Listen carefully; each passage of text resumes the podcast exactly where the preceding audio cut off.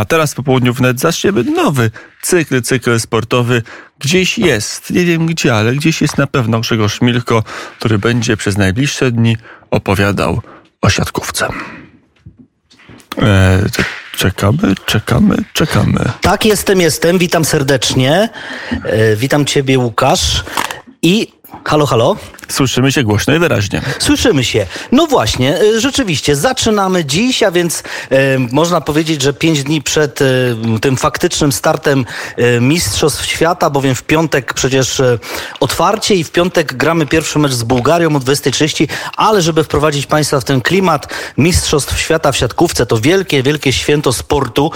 Polska i Słowenia są gos- współgospodarzami to jest w związku z tym, że Rosji odebrano, jak najbardziej oczywiście słusznie, jedyne słuszne rozwiązanie, Rosji odebrano turniej, ona miała być gospodarzem, ale z wiadomych przyczyn nim nie będzie, a więc my i Słowenia będziemy gościli właśnie najlepszych siatkarzy świata. No a jeszcze jeśli chodzi o reprezentację Polski, no to to jest chyba najważniejsza informacja, zresztą wiadoma pewnie wszystkim, że my jesteśmy trzy, dwukrotnymi mistrzami świata z rzędu 2014-2018. No i teraz wszyscy mogą sobie zadawać jedno pytanie, czy będąc gospodarzami, grając mecze u siebie w Katowicach, w Gliwicach, finał też jest e, przewidywany w, w Polsce, w, w Katowicach, e, dokładnie 11 września, więc w w rocznicę World Trade Center, tak to się akurat złożyło, finał i może z udziałem reprezentacji Polski. No ale o tym wszystkim będziemy rozmawiali e, od dziś do, do czwartku włącznie 17.45, a piątek już od samego rana od 8.45 praktycznie do meczu, a później w trakcie meczu i po meczu, a więc bardzo dużo siatkówki na antenie. A my już mamy pierwszego gościa, to jest były zawodnik Gwardii Wrocław y, Andrzej Kokot, przebywający we Wrocławiu. Witam serdecznie na antenie Radia Wnet. Dzień dobry, witam. E, No właśnie, e, takie pytanie podstawowe. 2014 wygraliśmy Mistrzostwa Świata, wtedy e, prowadził nas Francuz Antiga, później Vital Heinen 2018, teraz Nikola Grbicz, trzeci z tych obcokrajowych, obcokrajowców, jeśli chodzi o trenerów. Ale czy my w ogóle możemy myśleć o tym, że uda się po raz trzeci z rzędu zostać mistrzem świata? Ja myślę, że tak, ze względu na to, że mamy szeroką, bardzo mocną kadrę. Co prawda, tak jak już wcześniej wspomnieliśmy, nie ma w niej Wilfredo Leona, no ale e, jeden zawodnik, powiedzmy, przy tak kolektywnej e, dyscyplinie sportu, jaką jest siatkówka, no aż takiej wielkiej różnicy według mnie nie zrobi. Natomiast co jest atutem? Gramy u siebie, gramy u swoich kibiców. Wiadomo, publiczność mamy, no, można powiedzieć, jedną z najlepszych na świecie. Także mocna e, drużyna, dobra publiczność, wydaje mi się, że jest to coś, co pozwala nam myśleć o sukcesie. E, To ja od tego Wilfreda, Wilfredo Lona jeszcze spytam, natomiast e, przede wszystkim skończyliśmy teraz e, memoriał Huberta Wagnera w Krakowie i wygraliśmy 3 do 0 z Iranem, 3 do 0 z Argentyną i 3 do 0 pokonaliśmy Serbię. No I czy można już wyciągać wnioski po takich trzech no, super meczach? No ja myślę tak, ponieważ tak, po pierwsze jest to bezpośrednie przetarcie przed mistrzostwami. Ten turniej odbywa się, e, odbywał się zaledwie tydzień przed startem mistrzostw. E, Po drugie graliśmy z bardzo mocnymi zespołami, ponieważ to są e, zespoły z absolutnej światowej czołówki. Także myślę, że jak najbardziej jest to dobry prognostyk. Przy czym dobrym prognostykiem też jest sama gra. Gra wyglądała bardzo, bardzo, bardzo pozytywnie. Zafunkcjonował jeden element, który gdzieś tam wcześniej być może tak dobrze nie funkcjonował, tak jak blok. Także myślę, że kiedy te wszystkie elementy do siebie dodamy, możemy optymistycznie patrzeć na dzień 11 września. No właśnie, tym bardziej, że najlepszym, e, najlepiej blokującym zawodnikiem, a także MVP turnieju został Jakub Kochanowski. No to tak jakby potwierdza rzeczywiście te, te, te twoje słowa o tym, o tym bloku. No ale teraz jest takie pytanie, bo mm, mamy... To może najpierw o tym Wi- Wilfre- Wilfredo Leonie, no bo to wzbudzało mimo wszystko nasze emocje, bo tak, czekaliśmy na niego bardzo, kiedy on odbywał tą karencję, kiedy już nie chciał grać dla Kuby, a zechciał grać dla reprezentacji Polski. Wiadomo, polska małżonka, związany też z Polską, nawet poradzi sobie w polskim języku. Zawodnik Perugii, no mówi, mówi się jeden z najlepszych, jak i najlepszy na, e, e, siatkarz świata. Doczekaliśmy się tego Wilfredo, pojechaliśmy z nim na igrzyska i tam przeliśmy, prze, no, można powiedzieć, przeżyliśmy kolejny kolejne rozczarowanie, czwarty raz z rzędu odpadamy w ćwierćfinale. On teraz zmagał się z pewnym urazem, ale rzekomo się wykurował, nawet wstawiał takie filmiki na mediach społecznościowych, jak to świetnie atakuje, skacze. No i były takie głosy, że po prostu Grbicz mógłby go zabrać, ale się tak jakby przestraszył, że jednak będzie miał mimo wszystko zawodnika nie w pełni sprawnego. Jaka jest twoja opinia na temat właśnie tej nieobecności Wilfredo Leona? No ja akurat uważam, że trener Grbicz zrobił bardzo słusznie, ponieważ tak, jest to długi, wyczerpujący turniej. Pamiętajmy o tym, że ten turniej odbywa się według, można powiedzieć, takiej nowej jak dla siatkówki formuły. A mianowicie po meczach grupowych przegrywający odpada. I w tym momencie my nie możemy sobie pozwolić na to, żeby mieć zawodnika na ławce słabiej przygotowanego, ze względu na to, że cała drużyna musi być gotowa można powiedzieć, od pierwszego do ostatniego punktu do walki. Poza tym jest jeszcze jedna rzecz. Pamiętajmy o tym, że siatkówka jest to dyscyplina taka, można powiedzieć, zespołowa i kolektywna. W każdej akcji meczu zawodnik może tylko raz dotknąć piłkę. I teraz mecze siatkówki wygrywa kolektyw, a nie tak jak na przykład, nie wiem, w piłce nożnej czy w piłce e, e, w koszykówce e, gwiazdor. Także nie zapominajmy o tym, że owszem, Wilfredo Leon jest wartością dodaną, ale no nie jest to człowiek, który jedno, można powiedzieć, jednoosobowo wygra mistrzostwa. No tak, to rzeczywiście bardzo, bardzo słuszne uwagi. No i teraz tak, zmiana pokoleniowa. Wiadomo, że ta kadra się przewietrzyła. Wiadomo, że już nie ma Kubiaka, tego charyzmatycznego kapitana. Mówiło się o tej grupie Kubiaka. Nie ma też Drzyzgi, nie ma kilku innych.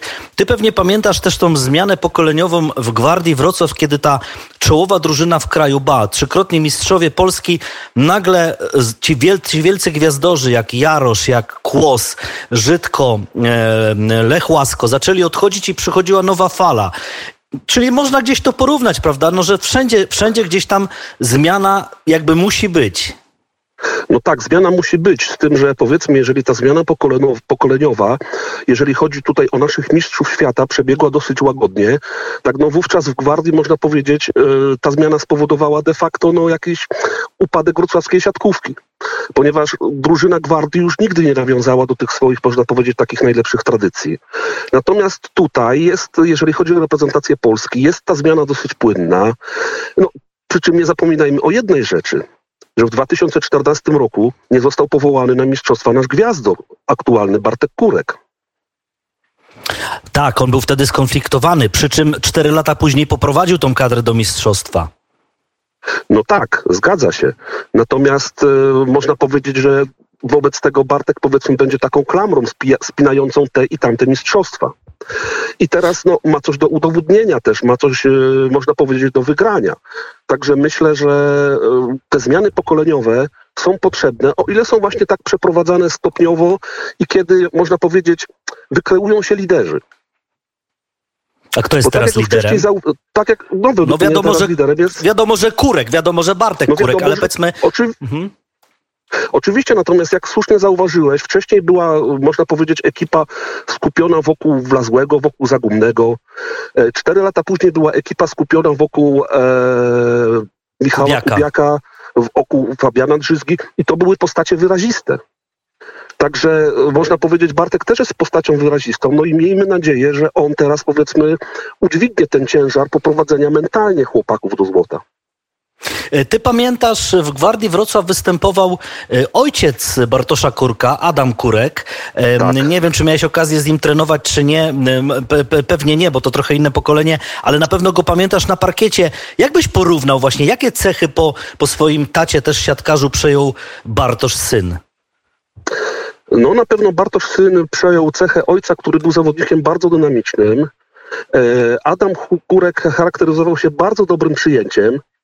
E, z racji tego, że mniej więcej jest 10 centymetrów niższy od Bartka, atakował z takiej szybkiej, przesuniętej piłki. To był jego taki jakby znak firmowy. E, a może teraz jeszcze dodam taką ciekawostkę, że nie wiem, czy wiesz, że Bartek Kurek i Adam Kurek występowali w polskiej lidze siatkówki obok siebie na boisku. W Kędzierzynie czy w Nysie? W Nysie pewnie. W Nysie. W Nysie 16-letni Bartek Kurek występował ze swoim no niespełna 40-letnim ojcem. No i można powiedzieć, że kilka spotkań e, rozegrali wspólnie. A to ciekawe, to są rzeczywiście bardzo, bardzo takie przyjemne momenty, co się nieczęsto zdarza. Czasami w piłce to wtedy się rzeczywiście to podkreśla, że, że e, ojciec tak. poczekał na syna gdzieś tam w karierze, czy syn dogonił ojca. To ciekawe. No na pewno Bartek Kurek wyrósł na fantastycznego zawodnika, to w ogóle nie ma dwóch zdań. Natomiast jeszcze tak dwa zdania już na koniec naszego spotkania o tej wrocławskiej siatkówce. No bo wiadomo, zawsze Gwardia miała tych wybitnych siatkarzy, no taką, takim symbolem tych o, o wielkich sukcesów ostatnich lat na pewno Ireneusz Kłos, czyli to taki taki idol Wrocławia, popularny Irek Kłos, mm, prawda? Który też później Dzidek. się sprawdzał w roli Dzidek, tak, który się później Dzidek, sprawdzał w roli Dzidek. też tre, trenera, ale jak teraz wygląda sytuacja wrocławskiej męskiej siatkówki na tę chwilę? Gwardia gdzie gra? Gra, Gwardia gra na zapleczu ekstraklasy. No, można powiedzieć, że po wielu chudych latach gdzieś ta Gwardia zaczyna się odbu odbudowywać. Są działacze, którzy chcą e, w jakiś sposób zaistnieć w polskiej siatkówce. No i myślę, że odpowiednim wsparciu, nie wiem, zawodników, sponsorów jest to jak najbardziej do osiągnięcia. Tym bardziej, że e, w polskiej lidze siatkówki no też grają kluby, które powiedzmy pochodzą z mniejszych ośrodków i doskonale sobie dają radę. A tak jak zauważyłeś, Gwardia no to jest klub z wielkimi tradycjami. No, Ireneusz Kłos, idol Wrocławia, fenomenalny siatkarz. Według mnie no, jeden no z tak, najlepszych rozgrywających w polskiej siatkówce. Tak, no na pewno, a wcześniej jeszcze, a wcześniej jeszcze Jarosz, a wcześniej Lech Łasko, prawda? Też kapitalny zawodnik no oczywiście, no a wcześniej Stanisław Gościniak. Tak, tak, tak, tak. I tak, Pałaszewski, tak, tak, który był trenerem, prawda, tamtej drużyny. Tak, tak, e, Władysław Pałaszewski. Władysław Pałaszewski, tak, tak. No wiesz, wielkie, wielkie, wielkie sprawy, jeśli chodzi o, o, siatkówkę. Myślę, że Wrocław zawsze żył siatkówką, prawda? Nawet kiedy, kiedy, może nie często Wrocław akurat gościł reprezentację polskich siatkarzy, bo gdzieś tam bardziej Katowice, e, może Łódź, Kraków, e, ale jeśli, no to, to, to chyba też cały Wrocław rzeczywiście, bo, bo przecież wy Wrocław, we Wrocławiu jesteście rozpieszczeni wielkim sportem, no wielkim, powiedzmy takim, no na, na no, skali no, naszego kraju, to wielkim, bo macie i piłkę, no, tak na skalę polską jesteście rozpieszczeni, bo i piłka, i żużel, i macie Mistrzostwo Polski w koszykówce teraz, i, i Betard Sparta Wrocław pewnie tego mistrzostwa nie obroni, ale jednak y, chodzą bardzo rzesze kibiców, więc siatkówka też chyba gdzieś tam to swoje miejsce ma, prawda? Tak, ma swoje miejsce, tym bardziej, że można powiedzieć, dyscyplina to jest taka, e, siatkówka jest to dyscyplina przeznaczona dla takiego, można powiedzieć, no specyficznego widza, który lubi akcję, który lubi powiedzmy e, dynamikę. No a mówiąc o wrocławskiej siatkówce, nie zapominajmy, że Gwardia grała w bardzo specyficznej hali. Hala przy obecnej ulicy Krupniczej e, to było miejsce, gdzie przyjeżdżały największe polskie zespoły i się najzwyczajniej w świecie gubiły.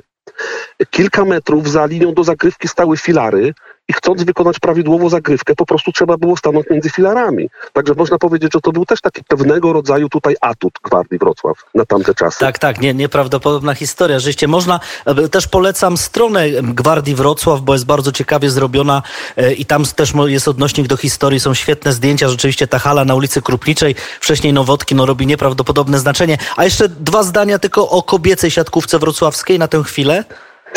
E, no, jeżeli chodzi o kobiecą siatkówkę we Wrocławiu, funkcjonuje zespół pod nazwą Wolej Wrocław, no i dziewczyny aktualnie występują w Ekstraklasie. Także tutaj akurat można powiedzieć, że jakaś tam ciągłość pomiędzy tymi dobrymi tradycjami siatkarskimi we Wrocławiu jest. No to dobrze, to przynajmniej została zachowana. No więc y, rzeczywiście, czekamy na te mistrzostwa. Myślę, że będzie jeszcze okazja się mm, spotkać. E, tym bardziej, że ty przecież y, jesteś byłym zawodnikiem Gwardii. Pamiętasz tak też jest. te fajne czasy Gwardii chodziłeś, ale też cały czas grasz w siatkówkę, prawda? Wy się regularnie spotykacie z, tak, z byłymi zawodnikami, się... z trenerami. Mhm. Tak, spotykamy, gramy amatorsko, no jednak można powiedzieć, że jak człowiek ma gdzieś w sobie zakorzenioną miłość do dyscypliny, to ciągnie wilka do lasu. No tak, to na pewno. No jest, jest gdzie pograć. E, także dziękuję serdecznie za to spotkanie. Andrzej Kokot, były zawodnik Gwardii Wrocław, e, był naszym gościem. Dziękuję Andrzej serdecznie. Wszystkiego dobrego. Dziękuję serdecznie. Dziękuję. Natomiast y, ja jeszcze tylko przypomnę, że od dziś zaczynamy ten cykl spotkań siatkarskich zawsze 17.45 w popołudniu w net, a w piątek już e, po serwisach, znaczy między serwisami tak naprawdę, bo 8.45 pierwsze wejście, a później już cała e, playlista tych wejść jeszcze, jeszcze w czwartek, także będziemy mieli okazję, e, czy też w piątek, na, na, pewno, na pewno o tym będziemy Państwa informować. Będzie też spotkanie z naszą korespondentką w Słowenii na Bałkanach i, i i, ta przecież Słowenia jest współgospodarzem, więc też rzeczywiście te wszystkie e, tematy będziemy poruszali. Tej siatkówki będzie bardzo, bardzo dużo. No miejmy nadzieję z uwieńczeniem, a więc finałem e, i z, z, trzecim Mistrzostwem Świata z rzędu polskich siatkarzy. No ale to oczywiście nie ma co jeszcze zapeszać. Niech, niech, niech po prostu siatkarze zrobią swoje. My z pozycji dziennikarskiej zrobimy swoje.